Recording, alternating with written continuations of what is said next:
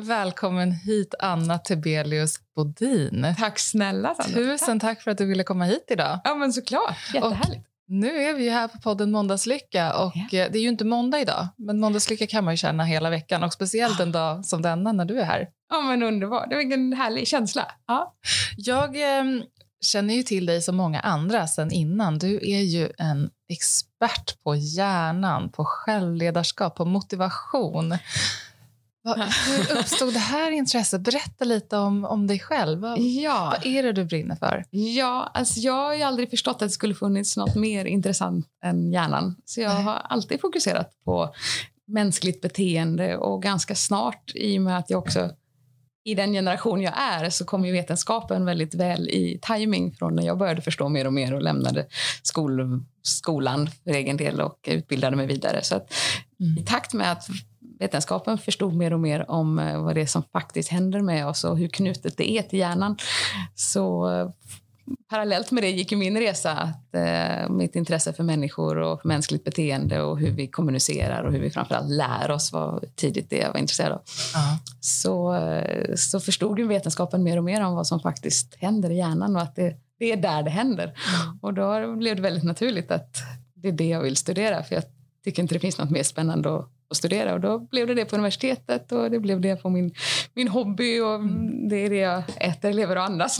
Ja, ja. Kom, har, kommer du ihåg liksom, när det intresset väcktes? Om det var någon särskild situation eller det bara var en nyfikenhet som uppstod? Det växte väl fram mer och mer av att från grundskolan när jag själv upplevde att jag inte kunde leverera så bra i skolan mm. som jag tyckte jag borde kunna. Eller kanske. Mm.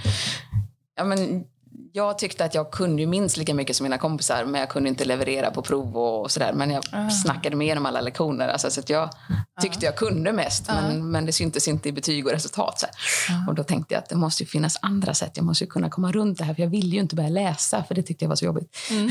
Mm. så, så jag ville så långt som möjligt undvika att behöva börja läsa. Och det, det var ju lite komplext, för att det, det behöver man ju. Ja. Man måste ju läsa. Så att någonstans där i 14-årsåldern, på den tiden dröjde det så länge innan man fick betyg. Och det var ju först då det blev, gick upp för mig att det här håller inte. Nej. Så då började jag läsa. Ja. Eh, och började, fick en bok i julklapp, eh, vet jag, som är Sofies värld.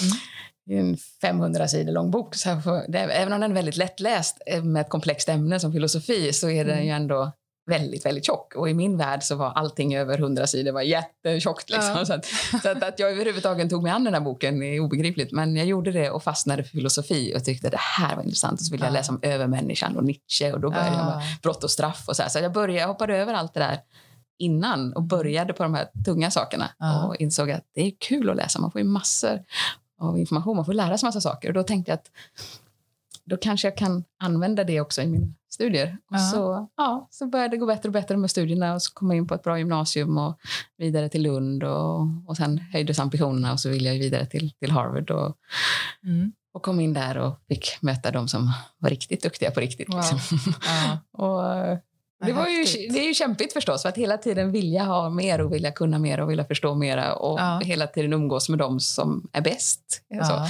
Det, har du fortfarande den, eh, det drivet? Alltså, är det ja. så än idag att du känner att det finns fortfarande så mycket mer? Ja, ja men verkligen. Och, är roligt att du säger fortfarande, för snarare mer och mer den känslan. Alltså, ja. mm. Och det är ju som klassiker, alltså, ju mer man studerar desto mer ja. förstår man att man inte fattar. Liksom. Ja.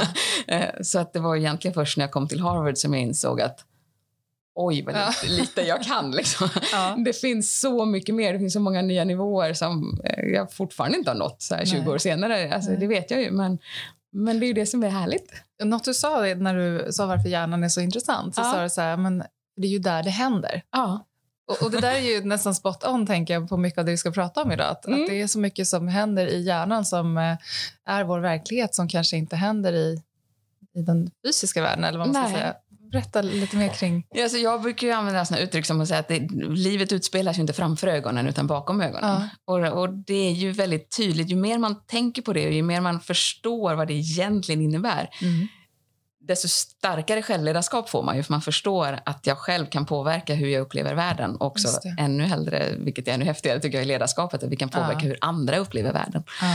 Uh, och det, det är så stark kommunikation från hjärnan ut till våra sinnesorgan, alltså hur världen ska uppfattas, mm. som överträffar den informationen som går åt andra hållet, alltså vad som faktiskt når hjärnan av information om vad som faktiskt händer. Så och vad är det som styr det? Vad som faktiskt hjärnan visar för ja, Det är ju våra tidigare erfarenheter och de prognoser. Hjärnan jobbar hela tiden med att göra prognoser. Uh Det är en det är liksom sättet hjärnan har att överleva. Att vara så duktig som möjligt på att göra bra prognoser om framtiden. För då ja. överlever vi. Vi blir inte så överraskade och dödade. Liksom. Utan vi kan hela tiden förutsäga vad som ska hända. Så att den jobbar hela tiden med att göra prognoser. Mm. Och ju bättre de här prognoserna stämmer överens, ju mindre energi drar det. Och, och vi, det är behagligare, det blir mindre dissonans. Liksom. Ja. Och, och då måste den hela tiden jobba med att tala om att det, det, det är väl så här det är, det är väl så här det är. Ja, och så bekräftar det ju helst. Ja. Ursäkta. Att det också är så.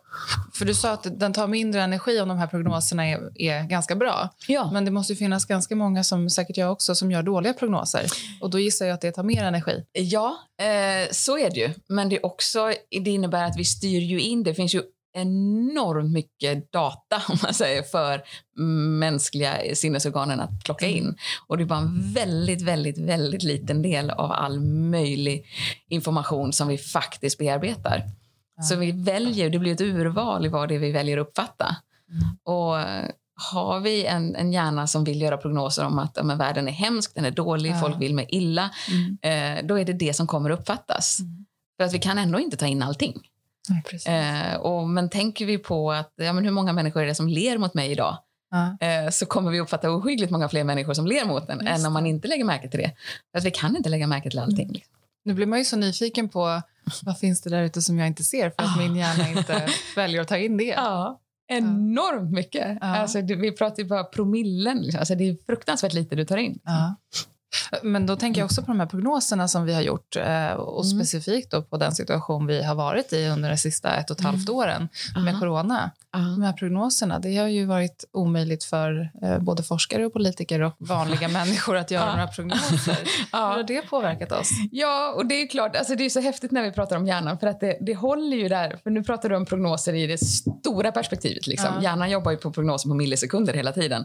Eh, men pratar vi prognoser på den nivån, vad, vad som komma skall, så är det egentligen samma sak, men mer på en mm. makronivå snarare än mikronivån. Men för hjärnan är det ju fortfarande prognoser. Ja. Och det är klart att det påverkar oss. Det, ja. det påverkar oss att vi inte kan förutsäga framtiden lika bra. För mm. vi är ju vana vid det.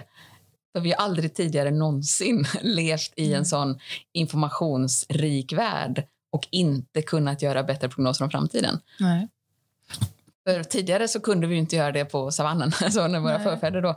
Men för de visste inte riktigt vad som komma skulle. Nu hände det inte så mycket mer än, ja, folk blev förstås eh, dödade och, och det kom svält och liksom sådana saker. Men det var, mm. inte, det var inte det tempot som vi mm. har idag. Så att det... På den tiden så var det inte så konstigt om, eh, om de inte kunde göra en prognos om att de skulle bli anfallna. Liksom. Men Nej. de förväntade sig inte heller att de skulle kunna göra det för att de de fick bara vara i ständig beredskap helt enkelt för, ja. för de typen av hot som fanns. Men vi är vana att kunna planera så ja. väldigt långt fram och bara, jag menar hur många är inte vana alltid, eller alltid, det är verkligen inte alla som kan resa, men hur många har inte aktiviteter inplanerade att ja, men vi ska resa dit om ett år eller vi ska göra den där saken om ett år och man, så hänger man upp liksom sin tillvaro lite på det. det är så, så livet ser ut. Liksom. Nej.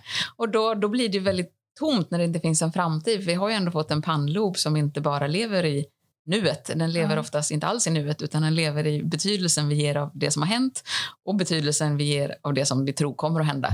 Mm. Eh, och så får den reaktioner på det hela tiden. Eh, att bero på att inte jobba med verkligheten utan ja. det betydelsen, understryka, betydelsen av vad vi, vad vi lägger i vad som har hänt och vad vi tror kommer att hända. Och det ger oss hela vårt känsloliv som vi uppfattar som vår tillvaro och vår värld och ja. uppfattning.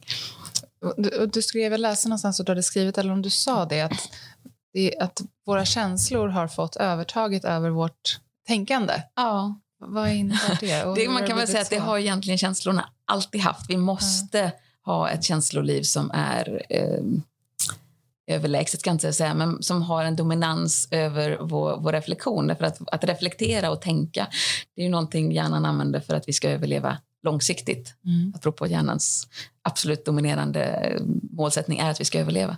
Så att vi ska överleva långsiktigt, det handlar om att vi kan göra planer, vi kan göra liksom en, en strategi för, för um, hur vi ska förhålla oss till det som komma skall. Så att säga. Mm. Medan vi måste också överleva nuet här och nu och det som hotar oss just nu och det som vi måste förhålla oss till. Och känslolivet är väldigt reaktivt i, i det att den, den svarar på vad det är vi upplever nu och så ska den skydda oss. Och, ja, hjärnan ska beskydda oss liksom, och det är ju, det är ju känslomässigt. Uh. Och står vi mellan att vi sitter och planerar vad vi ska skapa oss för framtid och för plan och strategi framöver jämfört med att vi är utsatt för något hot nu. Mm. Då måste vi vara reaktiva innan vi kan sitta och reflektera. Så, ja. och, så det känslomässiga har alltid behövt vara eh, dominerande för att vi måste överleva nuet, annars är det meningslöst att överleva framtiden. Ja. Men idag är det ju extremt på den nivån att vi, vi får inte bara överlevnad utan vi får en sån positiv stimulans ganska lättvindigt. Ja. För att det finns så mycket som stimulerar oss överallt. För väldigt många människor, jag bara tänkte på det faktiskt när jag åkte hit idag. Mm. Bara tittade på människor på gatan, alltså hur, när de gick eller satt på kaféer och sådär. Nästan alla människor var i konsumtion. Mm. Mm. Alla satt med en dator, en telefon eller hade lurar i öronen. Alla är i konsumtion. Ja. Och när man sitter i konsumtion alla dygnet simmar i alla fall, de vakna, då, då jobbar ju inte hjärnan utifrån det den är tänkt att göra, det vill säga att tänka. Hjärnan är ju inte en konsumtionsapparat eller en lagerlokal. Liksom. Den är ju en tänkande maskin. Liksom. Uh-huh. Och det får den ju inte utrymme att göra då. Och anledningen till att vi gör det här mot oss själva det är ju för känslolivet vill ha den här stimulansen. Uh-huh. Eh, och det känns härligt och det känns, det känns som att vi lär oss till och med. Mm när vi får den här stimulansen av konsumtion. Ja. Fast vi lär oss ju inte av att konsumera, vi lär oss att tänka på det vi konsumerar. Så vi går runt som konsumtionsjunkies nästan? Ja, ja men så är det ju. Det gör vi ju. Ja. Eh, och inbillar oss, för att det är ganska likt känslan av att lära. Det är bara det att vi testas inte efteråt på om vi faktiskt kan någonting, om vi har lärt oss någonting. Nej. Utan vi plockar de här bitesen som känns som att jo, men det där fick jag med mig och, det där. och så blir det där snabba reaktiva, den här mm. rubriken eller det där och så skaffar vi oss en åsikt och en, och en ståndpunkt och så tycker vi någonting för att, för att det bidra till vår självbild så att vi tycker och tänker någonting. Ja. Fast vi har inte ägnat den här reflektionen och djupet och förståelsen och argumentationen och ställt olika perspektiv mot varandra. Så för det tar ju massa energi. Och vi vill ju ha kort stimulans snabbare. Liksom. Och vi kan inte bli matade med information när vi ska göra de reflektionerna heller nej, jag. Nej, det kan det vi inte. Nej. Nu raljerar vi ju enormt mycket här. För att det, är så, så det är ju inte så att hela världen avstannat, det har slutat reflektera. Så är det inte. Men, men det är tydligt att vi går mot en, en starkare konsumtion mm. och en mindre prioritering av reflektion, mm. vilket är det hjärnan är gjord för. Så att även om man kan ja, överdriva lite ibland och, och reliera så, så mm. finns det ett ganska stort allvar bakom ja, att, att vi behöver ägna mer tid att faktiskt vara själva med våra tankar. vad kan man göra då? Alltså det låter ju egentligen, jag sätter i ett rum och var själv med dina tankar, men, det, ja, men så ser det ju inte ut, så nej, gör vi ju inte. Nej, eh, och då, det här måste vi då göra medvetet. För att få den emotionella strukturen i hjärnan överhand så kommer den ju ta den. Alltså, mm. Den kommer ju inte bara hålla att nej, men nu ska jag inte äta. Det är som om en femåring skulle tycka att nej, men jag, jag ska nog inte ha mer godis. Jag så. Mm. Det, det händer ju inte. Liksom. nej. nej. Uh, så det måste finnas det vad jag kallar den vuxna hjärnan, alltså pan, panloben, vårt tänkande, reflekterande system som mm. väljer att göra andra val. Mm. Och, och där handlar det om att bli medveten om vad vi har för reflexer när vi får beteenden som vi egentligen i efterhand inte mår bra av. Mm. Då är det ju den vuxna hjärnan som behöver ha det perspektivet. För den vuxna är den enda som jag kallar pannloben för den vuxna hjärnan, mm. eh, som är den enda som har det perspektivet framåt. Hur känns det framåt. Och det vill säga, hur känns det när jag är där framme och tittar bakåt på vad som har hänt? Uh. Det känslomässiga systemet vill ju bara ha det härligt nu. Mm. Den bryr sig inte om hur det kommer kännas Nej. i efterhand. Den vill ju bara ha allt Och den vill helst inte finns, tänka liksom. på hur det kommer att kännas i efterhand. Nej, för den har inte ens det perspektivet. Liksom. Alltså, det, känslan är ju nu. Liksom. Uh. Det är nu den ska reagera och den är distraktionsstyrd och den är liksom så. Mm. Medan tänkande är ju målstyrd, har en agenda, har en plan, en idé, vill någonting.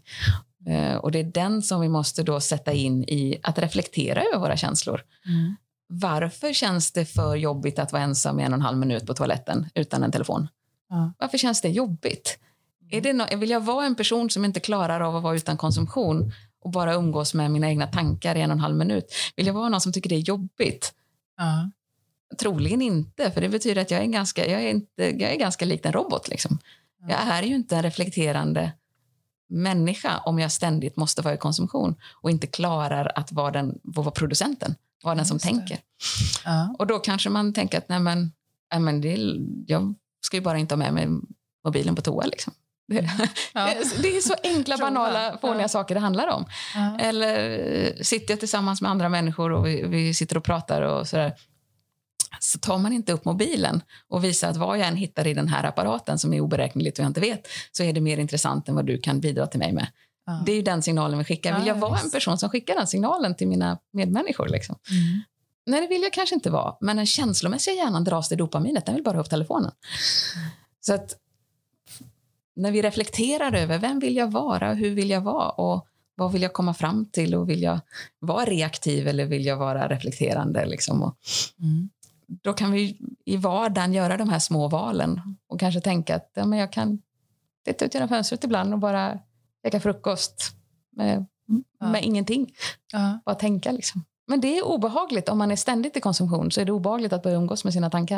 Jag tror att vi har, eh, många av oss har ju suttit hemma och jobbat nu under corona. Mm. Ehm, Så det har ju förmodligen funnits mer tid till reflektion eller mer, eh, ehm, ja, man har inte kollegor som man kanske pratar med på pausen utan man är där själv. Och det är kanske Mm. vissa som väljer att ta upp mobilen, inklusive jag, eller Ja. eh, surfa runt på nätet. Ja, de eller, flesta, skulle jag säga, eller om inte alla. Ja. Alltså, så är vi ju. Ja. Och jag ska inte säga jag är inte bättre jag. Jag gör ju samma sak. Jag är inte mindre beroende av dopamin än någon annan.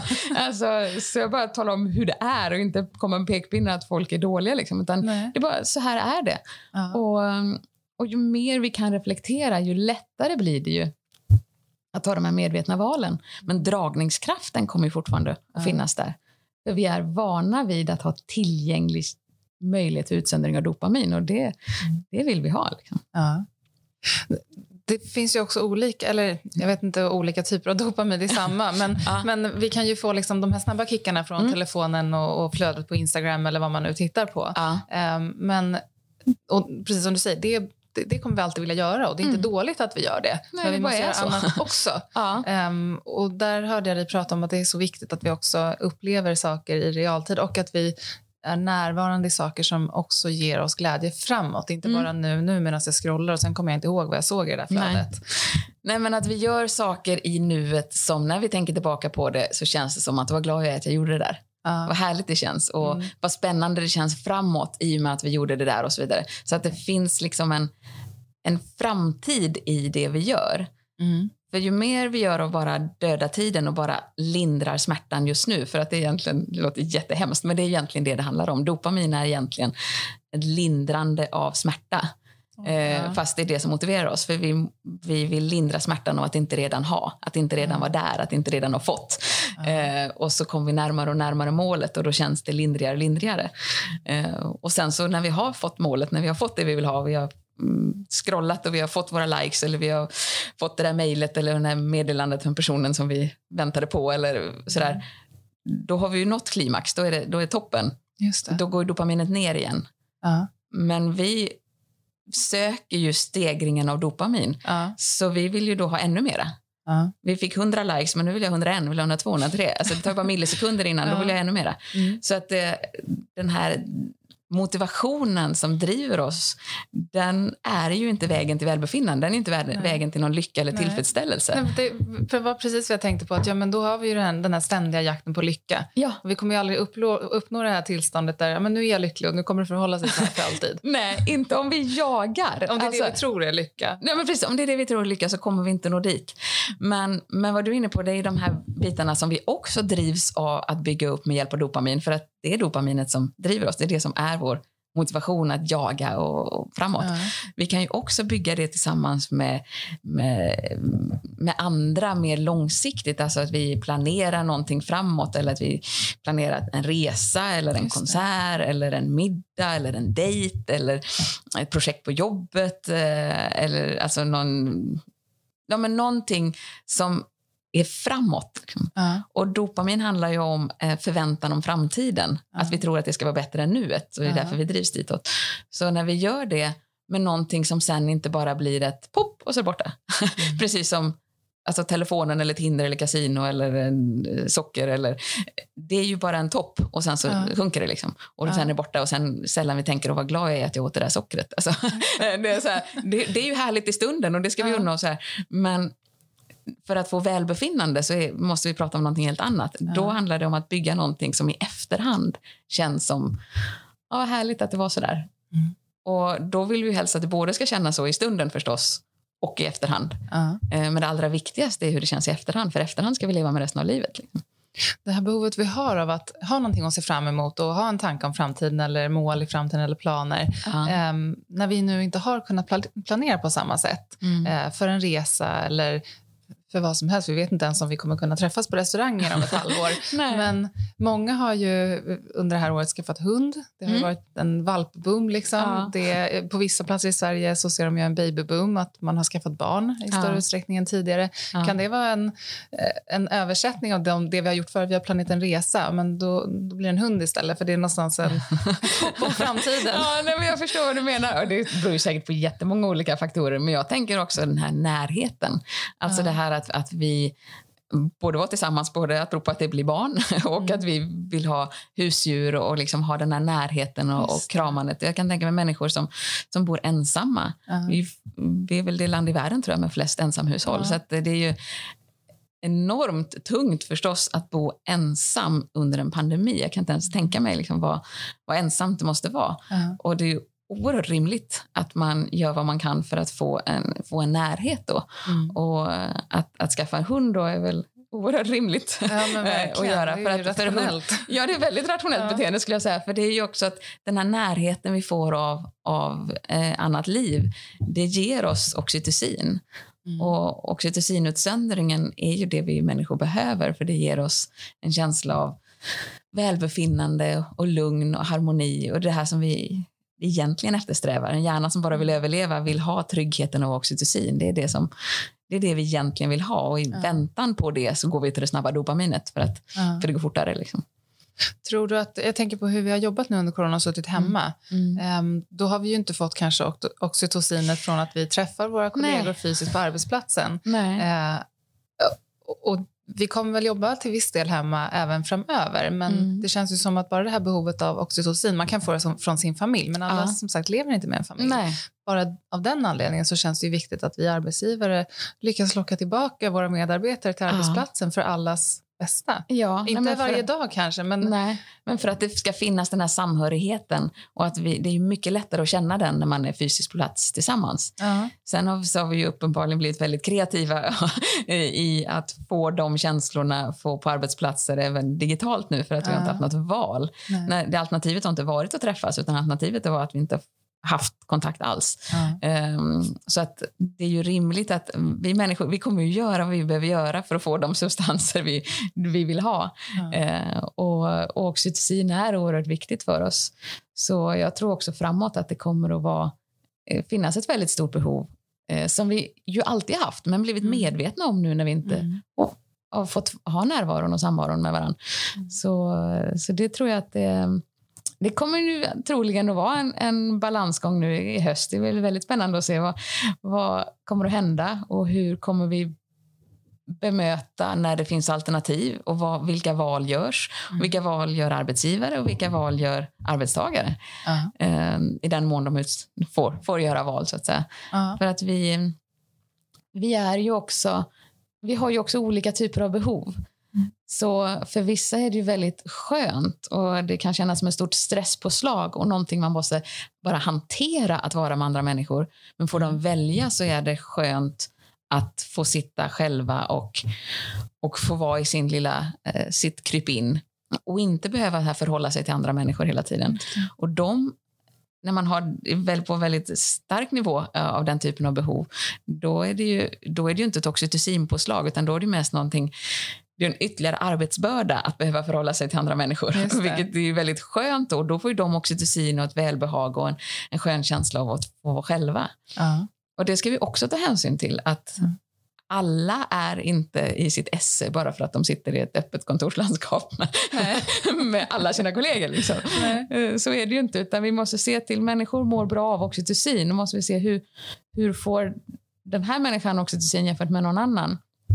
Vad är det som känns behagligt och tryggt och, och harmoniskt för den här personen jämfört med en annan? Och hur får den här människan dopamin? Ja, vad är det som känns stimulerande och vad väcker förväntan och, ja. och triggar den här personen jämfört med någon annan person som känner en, en förväntan och de slipper känna ett obehag och oro och stress. Så den här tiden kan ju verkligen för, för många har varit att, att man lär känna sig själv bättre. Att ja. man förstår att men jag, jag trivs bäst när jag sitter med mina kollegor varje dag. Ja. Och jag trivs bäst när jag sitter bara någon dag med kollegorna och resten hemma för att vi har olika behov. Ja. Men jag tänker även då på dopa, dopamin. Mm. Um, har vi olika behov av dopamin också? Så du sa att det är mm. det som triggar vår mm. motivation till att, att göra någonting eller ett hopp om mm. framtiden. Och där tänker jag att vi måste ju vara olika. Vissa måste ju ha ett jättestort behov av dopamin och några kanske inte alls har lika mycket. Nej. Och så är Eller det. Är vi... ja, nej, men så är det ju absolut. Det, där, det, där är vi olika också. Ja. Och, eller, jag brukar säga att det är som ett spektra liksom, alltså av, av olika eh, allt komplext som vi människor består av. Det, det blir ju mer som vi fick höra en, en bra exempel igår som man kallar för ett mixerbord.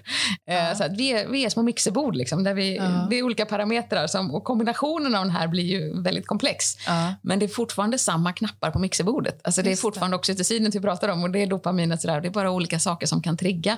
Eh, och sen finns det vissa saker som triggar många, många fler. Så att det en bättre idé att, att göra på ett visst sätt för, mm. att, för att få fler med sig och känna sig trygg, trygga och lugna. Mm. Och Det finns andra sätt att göra det på för att känna att fler går igång och på en idé och tycker det är fantastiskt och härligt.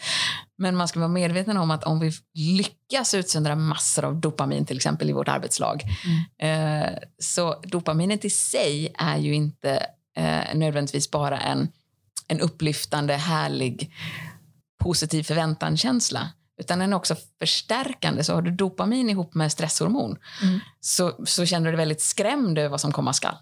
Mm. Alltså då, då, då triggar det ju det här att du känner ah, upp i beredskap och så måste du skydda dig och så, hur ska jag komma så lindrigt undan som möjligt? Eh, och vad innebär det här för mig och kommer jag få ha kvar jobbet? Och vad in, alltså, mm. alltså att man börjar ställa de här frågorna alltså, under stress. Uh. Medan har man dopaminutsöndringen ihop med oxytocin och också serotonin som gör att vi känner oss väldigt stabila och modiga och starka uh. och upplyfta då så känner vi att det här, det här är för mig, det här är mina möjligheter, nu kör vi. Liksom. Uh-huh. Så att det beror helt på kombinationen här vad vi får människor att utsöndra. Så vi vill ju motivera människor. Och där brukar jag alltid prata om att vikten av att motivera människor är ju helt avgörande. Men vi måste göra det med att först ha skapat relationerna. Mm. För har vi inte skapat relationen så kan vi lika väl komma med dopaminet och de bara wow, ja. garden upp, nu, nu måste vi skydda oss här för att det här, ja. Eh, det här verkar farligt. Hur ska jag komma undan? Liksom? Hur ska jag komma ur den här situationen med minsta möjliga smärta? Liksom? För det är ju vår hjärnas eh, ja, men exit. Liksom. Den, den vill ju helst bara undvika smärta. Just det.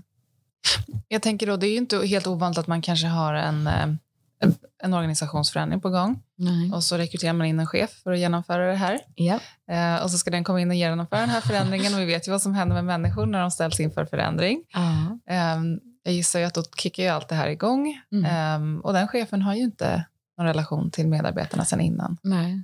Den måste börja med det. den måste börja med, alltså chefen måste börja med relationen.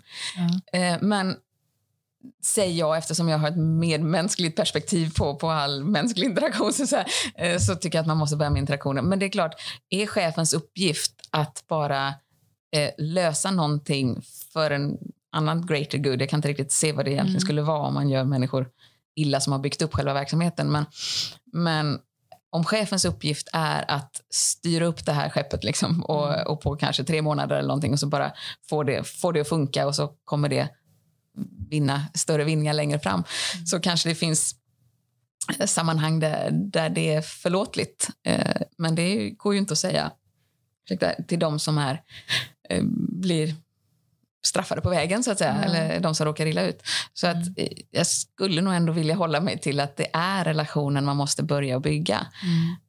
Relationen i den bemärkelsen att vi har byggt upp en trygghet med att det här är genuint väl. Vi vill väl. Mm. Och det är väldigt problematiskt om man inte vill väl. Man vill ja. bara tjäna mer pengar till aktieägarna. Ja. Eh, det är svårt att då övertyga de som faktiskt gör själva jobbet om att vi vill er väl. För att autenticiteten är helt avgörande. Ja. För Du kan ju stå och säga precis vad som helst, men om du utstrålar eller i dina handlingar gör någonting annat eller det skiner igenom att det här är bara en professionell fasad, egentligen så bryr du dig inte överhuvudtaget.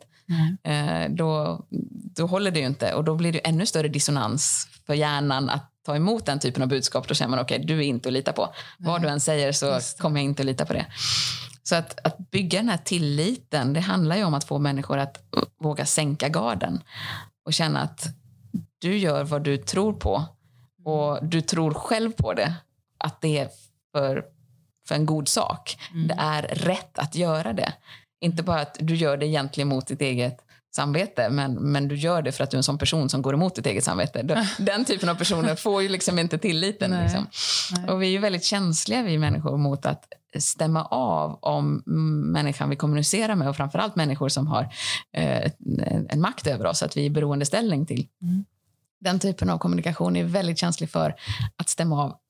Vill du mig väl? Hur gör vi det? Vad är det vi tittar på? Men vi tittar ju alltid på hur trygg är den personen i sig själv. Om den personen inte kan till exempel möta blicken, eh, om det är mest nere i, i sin i sin egen teknik eh, eller på sin egen presentation om det är inför liksom, presentation. Eh, eller att eh, den är väldigt flackig, inte har kvar blicken utan flackar väldigt mycket. Det gör ju stressade människor. Klarar inte att ha en ögonkontakt längre än någon sekund. Mm. Eh, och för att vi orkar inte läsa av andra människor. När man är, när man är stressad så är det liksom, då man så uppe i sig själv. Och eh, när man har en dissonans i sig själv, om en ledare känner att "Men jag måste börja få fram det här budskapet, jag tror inte på det själv, jag vet att det är fel, men nu måste vi göra det för att annars ryker mitt huvud. Eh, Så, alltså, när man inte är där för medarbetarna utan man är där för sin egen skull eller för någon Just högre upp, Mm. då, då lyser det igenom för att vi kan säga saker som inte rimmar med det kroppsspråk och den trygghet vi utstrålar. Men om vi kan i tonläge, i kroppsspråk, i vad vi riktar blicken, om vi kan då visa människor att jag är väldigt trygg i den här situationen. Jag, jag tror på det här. Och då behöver man inte ens säga att jag tror på det här, för folk blir alltid mer skeptiska när folk säger att, man, du, att du ska tro på det här eller lita på mig. Ja. Jag fick här råd när jag kom upp när jag var liten. Bara, lita aldrig på någon som säger du ska lita på mig. Om man behöver säga det så är det liksom anledning att inte behöva göra det. Ja. Eller att inte ska göra det. Men, men att man utstrålar en sån trygghet i Mm. det man kommunicerar så får man människor att sänka garden. Mm. Och sänka garden betyder ju att vi sänder oxytocin och då känns det tryggt. Och då, är det, då känns det som det här är den tryggaste personen i rummet. Den ska jag följa. Ja. För någon ska vi följa.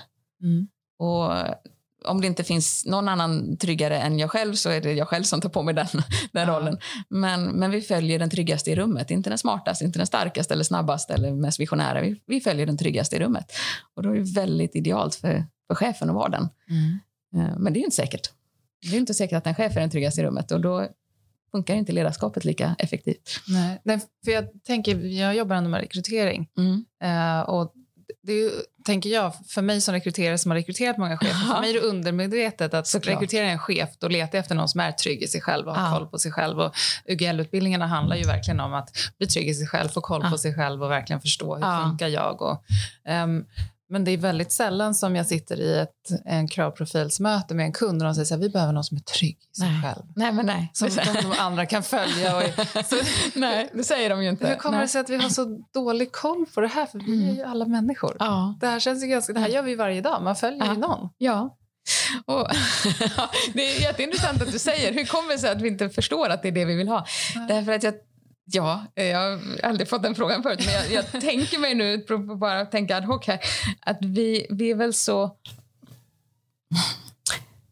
vana vid att det man efterfrågar det är den här stimulansen. Det, för att jag tror att man utgår ifrån sig själv. Man utgår ifrån vad det är som driver mig. Vad blir jag peppad av? Vad blir jag motiverad av? Och, vad så. och, och då tänker jag att det är ju dopamin. För det är dopamin. Utan dopamin skulle vi inte ens orka lyfta handen. Vi skulle Ja. inte motiveras att göra någonting. Eh, jag skulle lyfta glaset fast jag var törstig. Jag skulle bara Alltså, jag skulle inte göra det, fast jag ser att det är vatten där och jag är törstig. För det, jag är inte motiverad att göra det om jag inte kan plocka upp dopamin. Liksom. Så att Ja. vi måste, vi måste ha dopamin för att bli motiverade. Och då, tolkar vi ju dopamin som motivation och då tänker vi att när vi ska ha någon entusiasmerande eller någon, någon drivande person och någon som får saker att hända framåt så här, då, då kopplar vi, ja, men hur, vad är det för känslor i mig? Mm. Jo, det är ju dopaminet och då tänker jag då är det det som vi vill ha hos andra människor. Vi vill ha en ledare, om den ska driva någonting framåt. Då tänker vi i första hand på att då ska det vara en, en företagsam person mm. eh, som får saker att hända och som driver på. Mm. Problemet är ju bara att när vi har den profilen och inte har relationen med den de ska driva på, då klarar man inte motivera. Nej. Då blir det bara skrämmande. Ja. Så att det är en förståelse för att det känner man ju om man har relationen med den som ska vara sådär företagsam. Mm. Eh, och en trygghetsrelation som både känner att jag är trygg i din samvaro, men du bekräftar också mig. Mm. Så det är en ömsesidig och hur gör man det? För där kommer vi lite in på, men hur mm. gör man för att medarbetare ska känna sig sedda på arbetsplatsen? Vad ja. innebär det att känna sig sedd? Ja. Så att man då kan få det här förtroendet. Ja, det är ju extremt små detaljer säga, som sätter det här. För att vi har ju eh, som människor ett stort behov av att bilda oss en uppfattning om människor ganska snart, säger jag till mm. rekryterare. Ja. Men, det. Det vill vi ju göra. Och sen så vill hjärnan bekräfta den bilden. För att det tar minst energi än att behöva omvärdera vår bild av människor hela tiden. Det. Så det är, en, det är en anledning till att vi säger att första intrycket är ganska viktigt. Ja. Det är det ju för att hjärnan tänker inte hålla på och göra första intrycket många gånger. Nej. Utan den gör det först och sen så vill den bekräfta den bilden. Och då, kan det vara, då blir det ganska förlåtande mot misstag om vi började med en bild som gör att jag vill tycka om dig. Ja. Nu kommer jag se mellan fingrarna på ganska mycket och inte att vara medveten om att jag sållar bort. För jag vill tycka om dig. Ja. Eh, men om jag däremot bestämmer mig för att jag vill inte tycka om dig för ja, det är något kajko här, det är någon device som jag... Nej. Ja. Eh, då kommer jag att leta efter, att bero på att vi inte uppfattar allt. Vi uppfattar precis. det vi söker. Eh, det hjärnan har gjort som prognos, att det här kommer att hända snart. Nu vill jag se, när, när, när fallerar du? När kommer du bevisa att du är falsk? Liksom så. Och det innebär ju att när vi har, ger ett första intryck till människor så är det ju enormt viktigt att vi där får dem att känna dels ett oxytocinpåslag av att de känner att men här är en vänlig själ. Mm. Det här är en själ som vill mig väl. Mm. Uh, och det är en trygg person. Det kan vara en kaosartad situation, mm. men det här är en person som har lugn och acceptans och harmoni nog att kunna se mig i ögonen och uh, tala i en ton som inte är stressad eller i falsett eller flacka med blicken eller vara upptagen med sin dator eller sådär, utan en trygg person. Mm. Och det etablerar vi ganska snabbt, för vi skannar av det här. Okej, okay, du är trygg, du är inte trygg. Du, alltså, det skannar vi av ganska snabbt. Och nästa nivå är ju då att man som, som ledare ska visa att jag hoppas att du upplever att jag är trygg, nu ska jag bekräfta dig. Ja. Och det absolut snabbaste, enklaste sättet vi kan göra det för människor, det är ju förstås att, eh, att lära oss deras namn. Ja. Och jag sa fel på ditt namn när jag påade dig. ja, nej men, nej men att, alltså att vi lär oss namnen eh, på, på nya människor mm. snabbt. Det gör ju att det känns, ah, jag är så viktig för dig att du har lagt mitt namn på minnet. Uh. Och då skulle jag, efternamn är, är visst uh. sådär förlåtligt, eh, men, men att vi kan varandras förnamn. Mm. Och att vi, när vi har hälsat på någon, att vi då förstår hur viktigt det är att faktiskt komma ihåg det namnet. Mm. Men det är massor av människor som, som bara menar att nej men jag är så dålig på namn och nästan skryter om hur dåliga de är på namn. Ja. Och det ska de komma undan med och det ska bara vara så. Mm. Precis som att det vore något medfött att kunna namn. Mm. Det är definitivt inget medfött. Vi, vi är uppväxta på savannen, eller vi, ja. vi med våra förfäder, med kanske 150 människor under hela vår livstid. Ja. Idag kan vi ha kontakt med 150 pers före frukost. Liksom. Ja, visst. Ja. Så att det här det är definitivt inte någonting som är eh, en medfödd... Vi, vi har inte ens ett läscentra i hjärnan, så ännu mindre ett centra för att, för att komma ihåg namn, så många. Mm.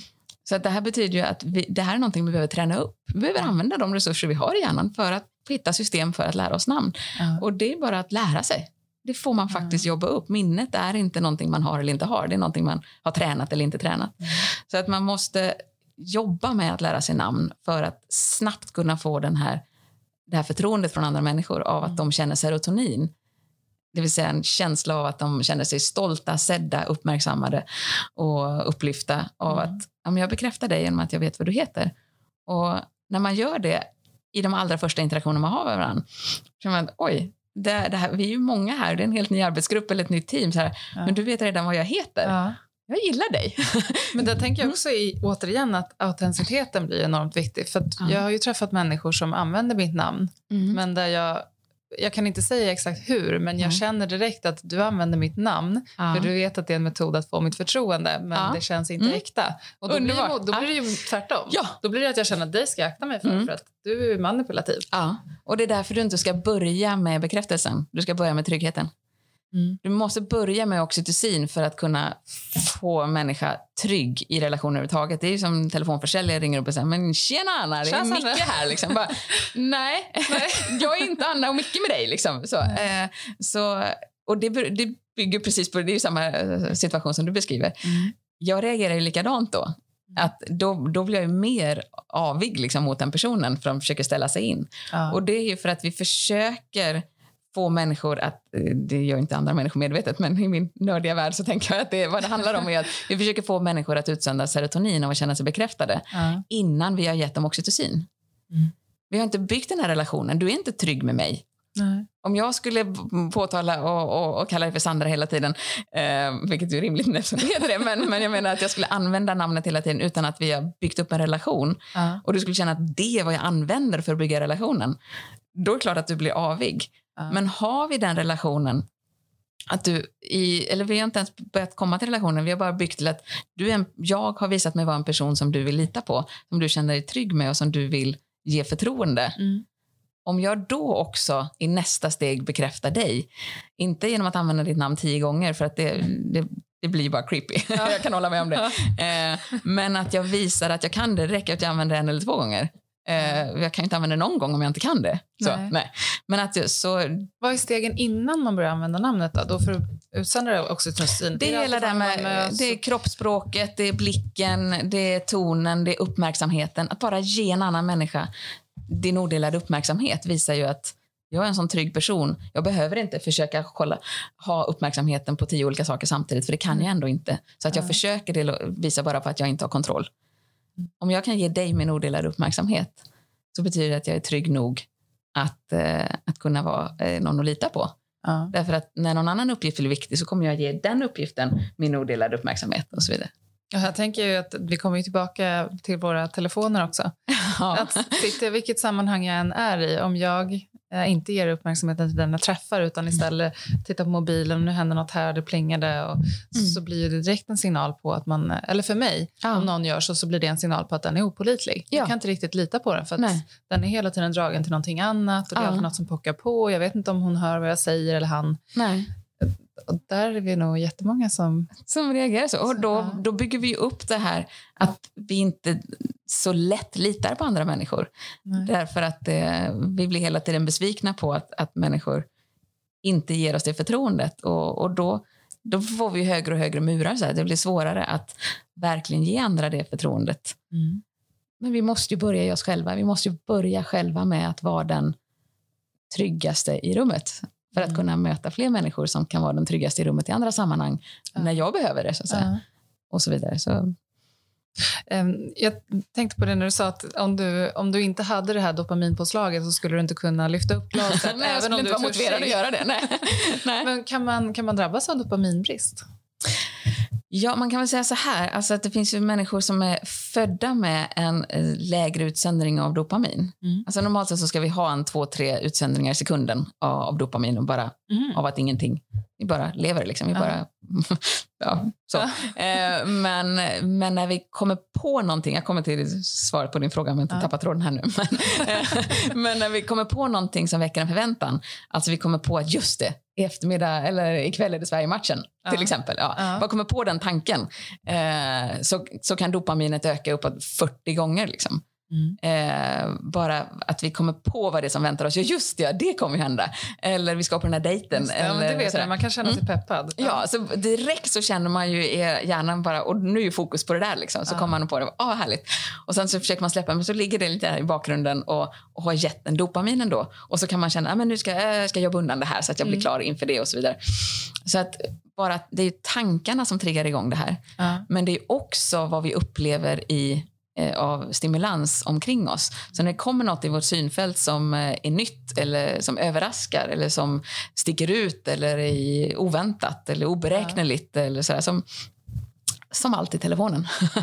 Väldigt oberäkneligt. Uh, vi, det hade varit exakt samma sak, och statiskt hela tiden. Vi bara list, läste av en lista och så betade av lite av listan varje gång vi gick in i telefonen. Så hade vi inte alls gått till den lika ofta. Det är ju för att den förändras hela tiden och vi inte vet vad som väntar oss. Och ibland känns det belönande och det är tillräckligt motiverande för att gå in. Ja. Det är ju som gjort, och inte bara som gjort, det är gjort för att trigga vårt dopamin. Det är ja. beroendeframkallande, hela poängen med, ja. med alla appar och allting. Så. Um, det lät som att alla appar bara är för beroende. Det finns ju många appar som såklart har högre värden än så, men du förstår vad jag menar. Ja. Eh, så min poäng är att, att vi har det här behovet av att få dopamin av att till exempel ibland flytta vår uppmärksamhet för då får vi nya intryck, då blir det någonting nytt.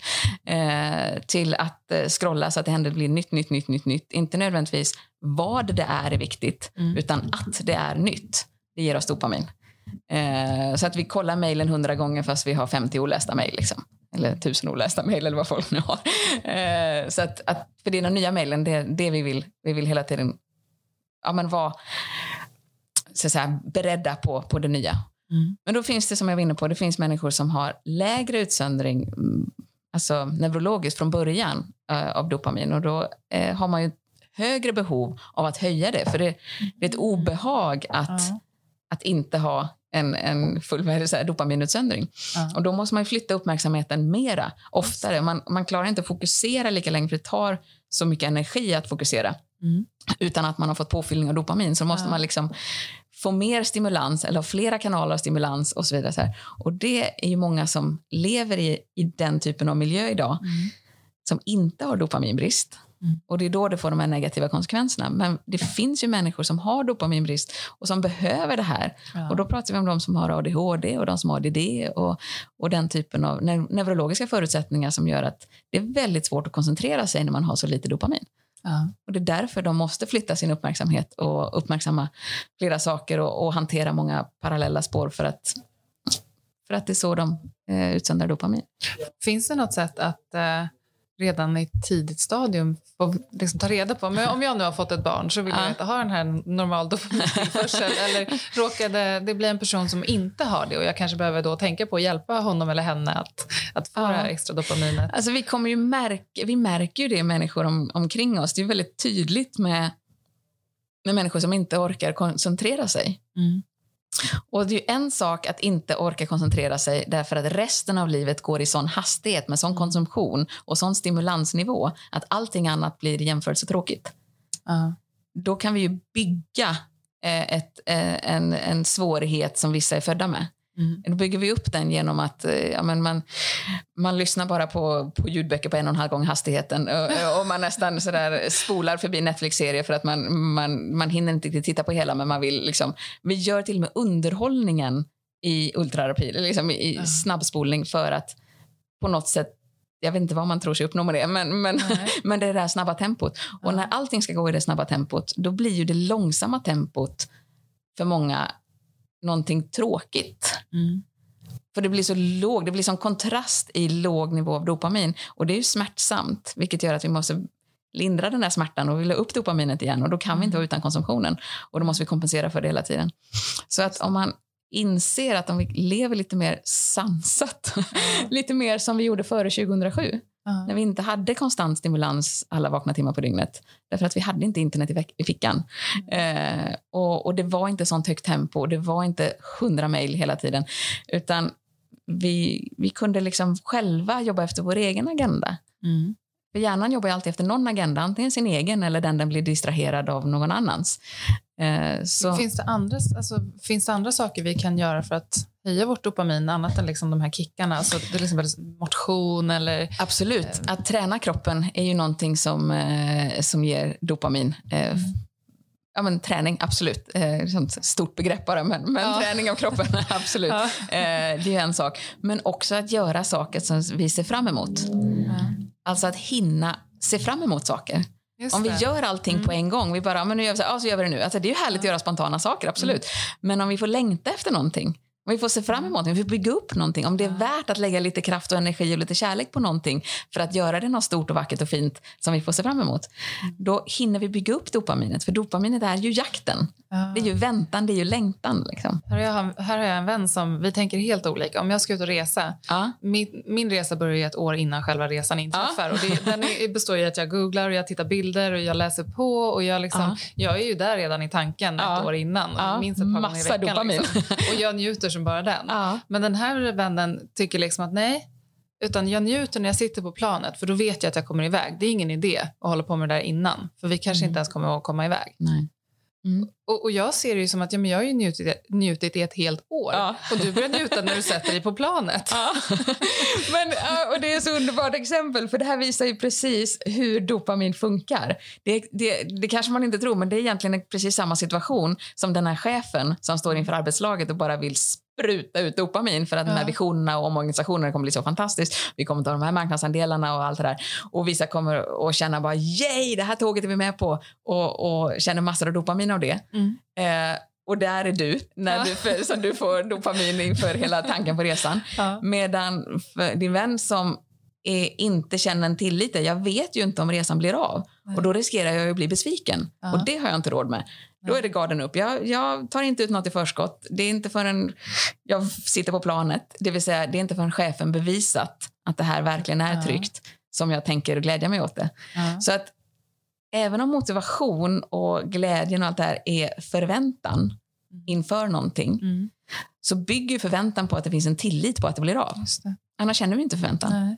Och ha, finns inte den tilliten så kan vi inte heller känna förväntan och får vi inte dopaminet. Nej. Så i och med att du, du har bestämt dig för den här resan blir av, såklart. Alltså, ja. För dig är det självklart. Ja. Och då bygger du ju upp dopaminet och då får du den härliga, ett helt år av, av, av härlig För jag tänker ju någonstans väntan, liksom. att ja, men har jag då mått bra i ett år av det här ja. och så skulle det hända någonting som gör att resan inte blir av, ja, jag kommer bli jättebesviken. Ja. Men, men jag har ju fortfarande mått bra i ett år. ja. och där, det är synd att gå miste om det. Det är klart jag. att det är synd att gå miste om det. Men människor gör ju inte de medvetna valen. För människor som inte gör den preppen, mm. de, kanske, de har antagligen sina orsaker till det. Ja. Det kan ju vara personlighetsvariationer också. Ja. Men det kan ju också vara att människor som har haft en uppväxt där de ständigt blivit besvikna. Mm. De har ständigt hela tiden blivit lovade och lovade och lovade. Nej, men det blev nej, nej, nej, men nu blev det inte så. Ja, men tjata inte mer nu för att nu, nej, men det, det lyckades inte. Och, och vill du verkligen ge mig dåligt samvete för det nu också? Så, alltså, du vet, mm. Det finns ju barn som växer upp i den typen när de är väldigt formbara. Mm. Där de fått lära sig att känn inte förväntan. För du blir bara besviken. Mm. Och så växer man upp, och nu säger jag inte att, att din vän har det så, men, Nej, men, men det är. Men det, ja, men visst är det jättesorgligt. Ja. Det är fruktansvärt. Och det är ja. därför det är så viktigt att vi har en dialog med barn ja. när vi bryter löften. För att det kommer vi, vi mänskliga varelser, jag vi kommer att bryta löften. med barnen. Ibland så undviker om det är mm. någonting som är lite osäkert, att vi kanske ska göra det på lördag, men det kan hända någonting som gör att det inte blir. Mm. Ibland väljer jag att inte säga det till dem, för jag vill inte att de ska behöva bli, bli besvikna. Nej. Och samtidigt så vill jag ju att, att de, ska, ska känna få... peppen som ja, du känner inför precis. någonting. Ja. Det är en balansgång. Ja, och det är, jag tycker det är en av de svåraste sakerna eh, som vi har i det vardagliga föräldraskapet, ja. liksom, för ja. oss som är föräldrar. Att eh, göra den avvägningen. För att när barn väl vänjer sig vid att bli besvikna, ja. då förlorar de möjligheter att utsöndra dopamin senare i livet. Det bygger på förväntan. Och finns inte tillit så kommer inte förväntan och då missar de inte bara oxytocinet, de missar också dopaminet. Ja. Och då, då missar man ju drivkraften och förväntan och den här härliga känslan som vi drivs av. Ja. Så ja, det, erfarenheter påverkar, men också vilka personlighetstyper vi är förstås. Ja. Det här kan man ju prata om i, i all evighet. Ehm, det är så intressant. Hjärnan är ju fantastisk. Ehm, och då tänker jag genast på hur mycket vet vi om hjärnan? Hur mycket finns det kvar att ta reda mycket, på? Alltså, apropå att hur lite jag vet. Alltså, jag brukar tänka så här utifrån den kunskap jag har om hjärnan och det jag ägnat hela mitt liv, eller minst de senaste 25 åren som, som huvudområde intresse. Det är, ju, det är ju en jätteliten del av vad all kunskap som finns i världen.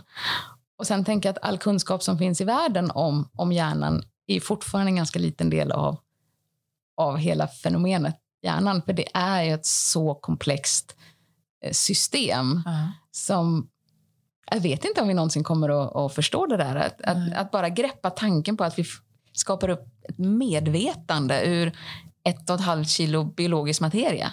Ja, det är ju. Det, liksom. det, det, är ju så oerhört konstigt i sig. Alltså, ja. det går ju inte att förstå. Liksom. Egentligen går ju inte det Nej. att förstå. Och, och Sen kan man gå ner på, ja vi kan säga att vi har de här 86 miljarderna nervcellerna och som kommunicerar med varandra. Och, det finns olika strukturer och, och eh, grå massa och vit massa. Ja, vi kan förstå alla de där bitarna och vi kan förstå att vi har liksom olika strukturer för alltså, nervsystemet och um, i olika nivåer så ut i kroppen och att det är liksom underrättelsetjänsten för hjärnan att, att få sina signaler och allt där. Vi kan, vi kan liksom bena upp det allt det där men, men att förstå det, det ja. egentligen, jag tror det var Martin Ingvar, en av våra en stora hjärnforskare, eh, som sa det en gång, egentligen så vi, vi fattar ju egentligen inte hur vi bara kan ta tag i ett glas och lyfta det. Nej. Egentligen så och vet vi inte det. Det är så basalt. Det är så himla basalt, ja. Och så tänker vi att vi ska försöka förstå vad hjärnan gör när den... Och så, ja, fast egentligen, egentligen så fattar vi ju inte det. Men vi, vi låtsas. Uh. Eh, och, och ju mindre man vet, ju mer får man låtsas. Eller på säga. nu börjar jag tänka hur det är att jobba som hjärnforskare. alltså, de har i alla fall tryggheten av att de ligger någonstans i det främsta ledet i världen. Att de de vet så mycket det går att veta ja. eh, om de håller sig på den nivån. Liksom. Men, eh, Finns det någonting eh, om hjärnan som du hoppas att vi kommer att kunna förstå? Oj. Um.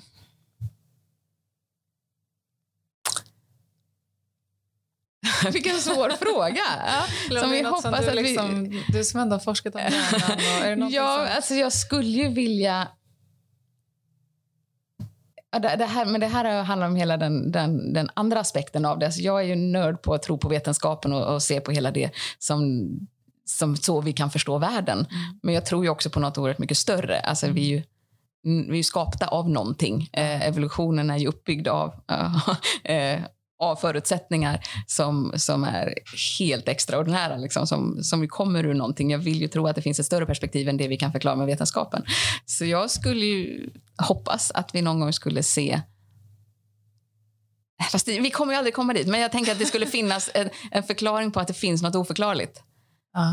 Att det finns någonting i oss som inte vetenskapen kan, uh. eh, kan liksom visa på. Fast vi kommer ju aldrig att på att det är så oändligt. Nej, det är precis, precis, som strävan efter dopamin. Ja. Det, det, det, tar ju aldrig slut för att vi kommer aldrig veta att nej, det här gick inte att veta. Alltså, för dit kommer ju aldrig mänskligheten, för vi kommer alltid söka svaren. Um, så att, nej, jag kan nog inte svara på den frågan faktiskt. Att, vad det jag, skulle, jag skulle vilja veta att vi inte kan veta allt. Ja. Och det kommer du aldrig få en check på. nej, det kommer aldrig få en check på. Nej. Och där kommer vi tillbaka till det, det vi pratade om i början. Att mm. När man väl börjar lära sig lite om någonting så inser man hur mycket man inte vet. Ja. Och kanske aldrig kommer att kunna veta heller. Nej. Nej. Men eh, än så länge så är det ju oerhört intressant. Och i det stadiet vi är i nu mm. så vill jag ju tvärtom. Jag vill ju att, att de förklaringar och allt vi har av, av förståelse vi kan få av hjärnan vill jag ju ska spridas. Det är därför jag jobbar med det jag gör. alltså jag jobbar ju med alla kanaler jag kan för att få människor att bli mer medvetna om sina hjärnor. Mm. För att på det sättet bli mer medvetna om sig själva.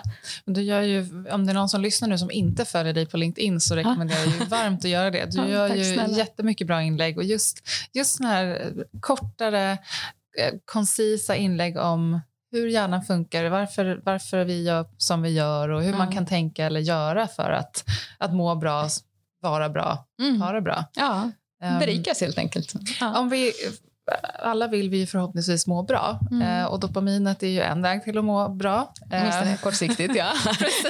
Eller och oxytocinet och allt, alltihop. Finns det tre saker som man kan eh, göra dagligen för att se till att i alla fall liksom ha en minsta möjliga nivå av eh, bra förutsättningar för att må bra? Mm. Eh, om jag klumpar ihop det och säger att regelbundenhet är ju någonting som får kroppen i balans och mindre eh, störningar. Alltså så att om vi äter, sover och rör på oss med en viss regelbundenhet mm. eh, så, kom, så behöver inte så mycket resurser ägnas åt att kompensera upp för att det är störd sömn eller att vi inte fått mat och blodsockret ja, eh, varierar för mycket eller att eh, kroppen blivit för stillasittande och mm. vi inte blivit av med slaggprodukter eller och inte liksom byggt upp eh, tillräcklig syresättning av blodet och så vidare. Alltså att vi, vi jobbar med en regelbundenhet i kroppen eh, med de här basala grejerna. Och det, det hör man ju alltid så så tråkigt så folk lyssnar ju inte på den typen av råd därför att ja, ja, det har man ju hört. Ja. Men om man förstod hur viktigt det faktiskt är, hur vilken påverkan det har, så tror jag att fler skulle uppleva ett mycket större välbefinnande om man satte dem Mm. i den mån det går. Ja. Sen finns det sjukdomar som gör att man får inte sömn eller småbarn eller tonårsbarn. eller, eller, eller, ja, det finns alla möjliga orsaker till. Eh, eller att man har problem med kost. Eller, alltså, så, absolut. Men går det att, att få till eh, rörelse, sömn och, och mat på en regelbunden nivå så, så är det väldigt mycket vunnet. Problemet är ju när vi upplever ett obehag eller en irritation eller bara matthet och trötthet. Det är ju att vi ofta kopplar det till precis fel sak. Mm. Vi tänker ju att ja, men det är bara för att den här personen är så himla irriterande. Om jag bara inte hade haft den här irritation, det här irritationsmomentet i mitt liv så skulle det inte vara några problem. Ja. Vi tänker ju inte att jag blir irriterad för att jag inte har sovit i natt. Eller jag Ja. blir irriterad för att jag inte har fått mat nu. Eller att jag har suttit ner på den här stolen och varit statisk, eh, fysisk eh, status hela, hela dagen. Det tänker vi, ja, ja, ja, jag vet att vi ska, men det har inte med det att göra. Det har ju med att den här personen är irriterande. Ja. Alltså så att vi, vi Det kopplar ju-. Det är lite enklare, ja. ja. Så hade det här bara inte funnits så hade det inte varit några problem. Men då hade vi ett annat- problem. Apropå att hjärnan är den som formar vårt liv, inte omständigheterna. Eh, så att vi kommer att hitta vad det är som får, får vara orsaken till problemet Mm. när vi har sabbat något av de här tre basala sakerna. Ja. Så det är en bra grund. Börja Ja. där. Ja. eh, om det får vara ett tips så skulle mitt andra tips vara se till att ha stunder på dagen då du är ensam med dina tankar. Mm. Om det så är på bussen till jobbet eller Mm. eh, om det är när du går på toaletten eller bara äta frukost och stirra ut genom fönstret eller eh, innan du går och lägger dig. Eller... Meditation och yoga och alla de här bitarna är fantastiska och det absolut bästa du kan göra för din pannlob är att meditera. Men jag vill inte skrämma bort människor och säga att ja, det här måste du göra. Det är så lätt att man tänker att det blir ytterligare, åh ska jag göra det också? Exakt. Ja, och det, det, då är det helt hopplöst. Gör inte det. det. Vad jag pratar om nu, det, är det enda du behöver göra var att inte vara i konsumtion. Mm. Läs inte saker. Eh, titta inte på någonting. Lyssna inte på någonting. Hur lång Sitt tid på en behövs stol. det? Kan det räcka att man sitter fem minuter i soffan och Ja. bara inte gör någonting? Ja. Mm. Man har gjort eh, eh, studier och tittat på vad, vad som förändras. Och då var det, det här var ett ganska litet urval i och för sig, men man tittade på, på tio, ehm, tio minuter om dagen. Mm. Att sitta tio minuter om dagen, då, ingen guidning, ingen meditativt eh, så på något sätt, utan du bara skulle sluta ögonen eh, för att inte få några synintryck. För 90% av alla våra intryck till hjärnan är synintryck, så att vi stänger av ganska mycket bara genom att blunda. Eh, men inte somna, eh, men stänga ögonen tio minuter om dagen som enda livsstilsförändring. Ingenting annat skulle ändras än att bara göra det. Så kunde man efter fem veckor se en enorm förändring Wow. i synapserna i pannloben. Aha. Alltså att an, an, och då pratar vi alltså händer då? kopplingarna mellan nervcellerna. Att fler kopplingar mellan nervceller i det området i hjärnan där vi har impulskontroll, där vi har eh, möjlighet att fokusera, där vi gör analyser och konsekvenstänkande Mm. och lärande. Alltså vår styrning kan man säga, vår mest avancerade teknologi som vi har i hjärnan. Ja. I det området så skapades nya kopplingar och inte så lite heller. Det var ganska enorm skillnad när vi fotograferade, Wow. eller vi säger, inte jag som gjorde studien, men när de fotograferade eh, först ett, om, ett område innan de gjorde den här studien och sen fotograferade samma område efteråt. Och vi skulle se skillnad på bilderna, hur, hur ser cellbildningen ut? Och det var dels ny cellbildning, men det framförallt nya kopplingar mellan cellerna. Och det är ju bara, det är bara biologi, kan man tänka, vad spelar det för roll? Men att ha en stark pannlob, Ja. Det är liksom, vi säger det, alltså starkt pannben säger man, Ja. men, men det är ju verkligen att kunna jobba efter sin egen agenda. Att Ja. bli mindre distraherad, att vara mindre reaktiv, att jobba mer efter din egen agenda. Eh, inte så att du kör över människor, utan bara att du har möjlighet att vara den där tryggaste i rummet för andra människor. För att du inte är så uppe i din egen stress, obehag och distraktion, utan du blir trygg. Det införs ju idag. Jag ska med hem med barnen efter förskolan idag. Det blir tio minuter med slutna ögon. Ja. Man kan också välja att gå ut i naturen, för naturen vill dig ingenting. Så den kommunicerar ju inte. Du kan inte konsumera naturen. Liksom.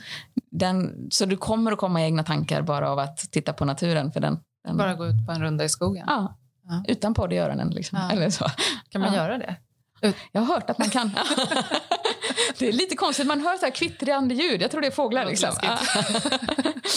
ja, men det, det gör sån stor skillnad. Och med tanke på att vi har en 40 000-årig struktur i hjärnan. Hjärnan är 40 000 år gammal. Även om mänskligheten är äldre så vår revolutionära fas just nu har vi varit i 40 000 år. Mm.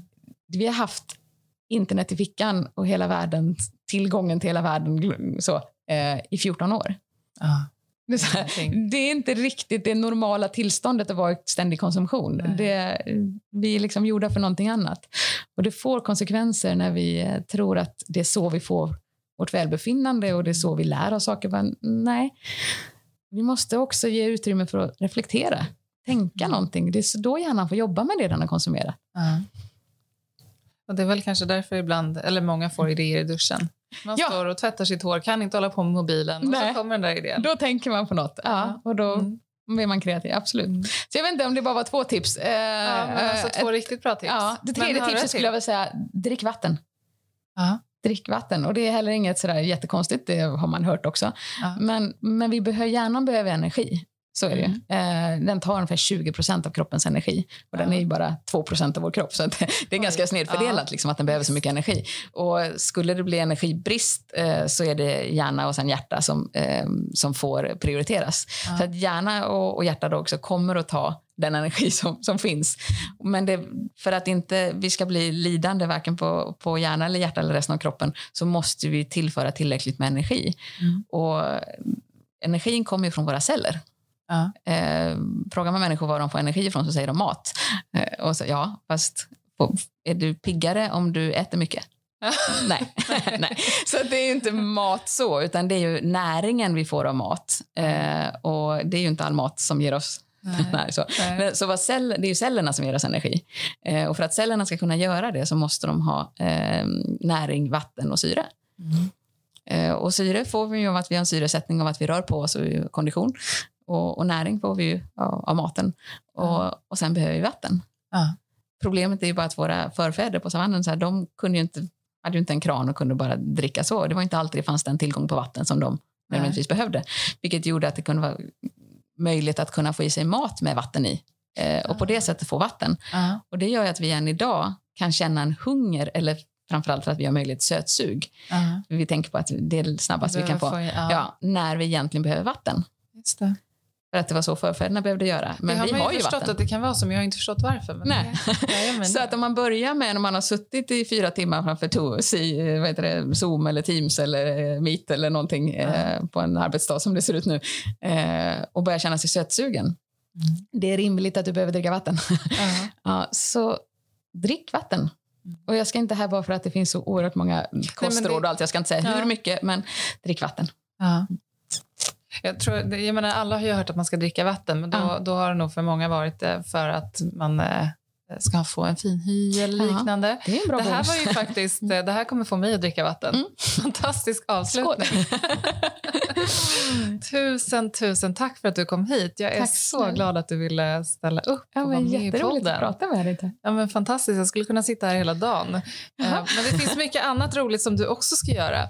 Ja. Men Um, om man nu vill komma i kontakt med dig, om man, vill, mm. för du, man kan både jobba med dig, alltså få hjälp i sitt ledarskap, Absolut. självledarskap, föreläsningar, ja. allt möjligt. Hur kommer man i kontakt med dig? Um, hemsidan är ju en naturlig kanal. Eh, förhoppningsvis kommer den eh, bli klar nu i sommar, den nya. Men mm. Eh, den gamla, adressen funkar alltid och det är mitt namn, annatebeliusbodin.se.